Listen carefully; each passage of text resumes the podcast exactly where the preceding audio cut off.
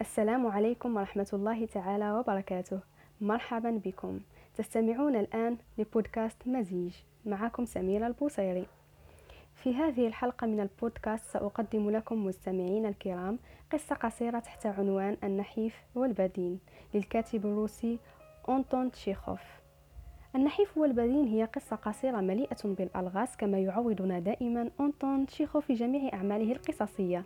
ومن خلال هذا العمل حاول هذا الكاتب بأسلوبه الساخر أن يوصل لنا رسائل حول الصراع الطبقي الشخصيات الوصولية معنى الصداقة العنصرية بكل معانيها الهوس بحياة الألقاب وعبادة الرتب التذلل الطبقي وغيرها. أتمنى أن يكون إلقائي لهذه القصة القصيرة الرائعة أن ينال إعجابكم. البدين والنحيف. في محطة سكة حديد نيكولاي التقى صاحبان. أحدهما بدين والآخر نحيف. كان البدين قد تغدى لتوه في المحطة ولمعت شفتاه من الدهن كما تلمع ثمار الكرز الناضجة.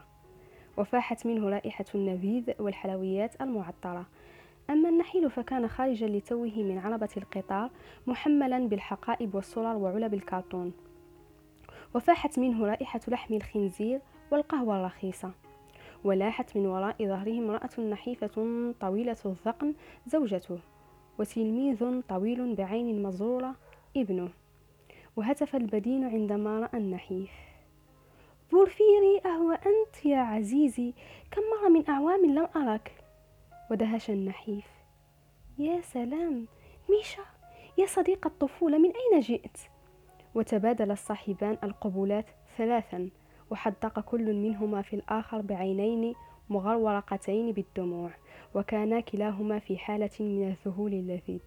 وقال النحيف بعد القبولات يا عزيزي لم أتوقع أبدا.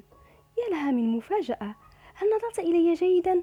جميل كما أنت حبوب وغندور كما أنت آه يا إلهي كيف أحوالك؟ أصبحت غنيا؟ تزوجت؟ أنا تزوجت كما ترى وهذه زوجتي لويزا من عائلة بانخ بروتستانتية أما هذا فابني نافنائيل تلميذ بالصف الثالث يا نافانيا هذا صديق طفولتي درسنا معا في المدرسة وفكر نافنائيل قليلا ثم نزع قبعته ومضى النحيف يقول درسنا معا في المدرسة. أتذكر كيف كانوا يغيظونك؟ بلقب هيروستارتوس لأنك أحرقت بسجارة كتاب عهدة وكانوا يغيظونني بلقب أفيالتوس لأنني كنت أحب النميمة. كما كنا صغارا. لا تخف يا نفانيا اقترب منه.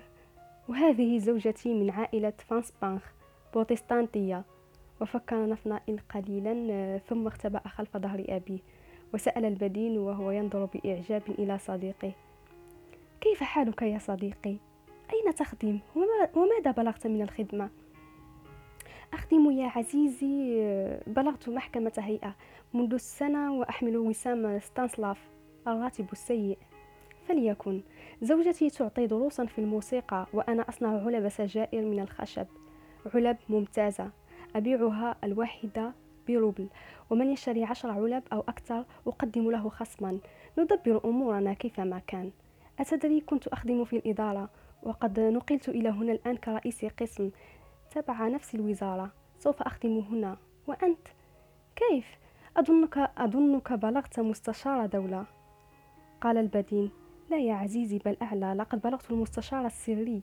أحمل وفجأة امتقع النحيف وتجمد ولكن سرعان ما التوى فمه في جميع الاتجاهات ليصنع ابتسامة عريضة للغاية. وبدأ, وبدأ كأن الشرار قد تطاير من وجه عينيه. أما هو فانكمش وتحدب وضاق وانكمشت حقائبه وصرره وعلبه وتجعدت. واستطال ذقن زوجته الطويل وشد نفنائيل قامته وزرر جميع أزرار سترته. إنني يا صاحب السعادة مسرور جدا. صديق الطفولة يعني وإذا به يصبح من السادة الأكابر؟ فامتعض البدين وقال دعك من هذا. ما هذه النبرة؟ إننا أصدقاء الطفولة. فما معنى عبادة الألقاب هذه؟ فضحك النحيف ضحكة صفراء وازداد انكماشا. العفو ماذا تقولون؟ إن اهتمام سعادتكم الكريم هو كالبلسم الشافي. هذا هو ابني نفنائيل يا صاحب السعادة. زوجتي لويزا بروتستانتية إلى درجة ما. وأراد البدين أن يعارض بشيء ما ولكن وجه النحيف كان يطفح يطفح بالتبجيل والتعبير المعسول والخنوع إلى درجة أثارت الغثيان في نفس المستشار السري. فأشاح بوجهه عن النحيف ومد له يده مودعا. وصافح النحيف ثلاث أصابع وانحنى بجسده كله وضحك كالصيني. وابتسمت الزوجة ومسح نفنا إلى الأرض بقدمه وسقطت, وسقطت منه القبعة. وكانوا ثلاثتهم في حالة من الذهول اللذيذ.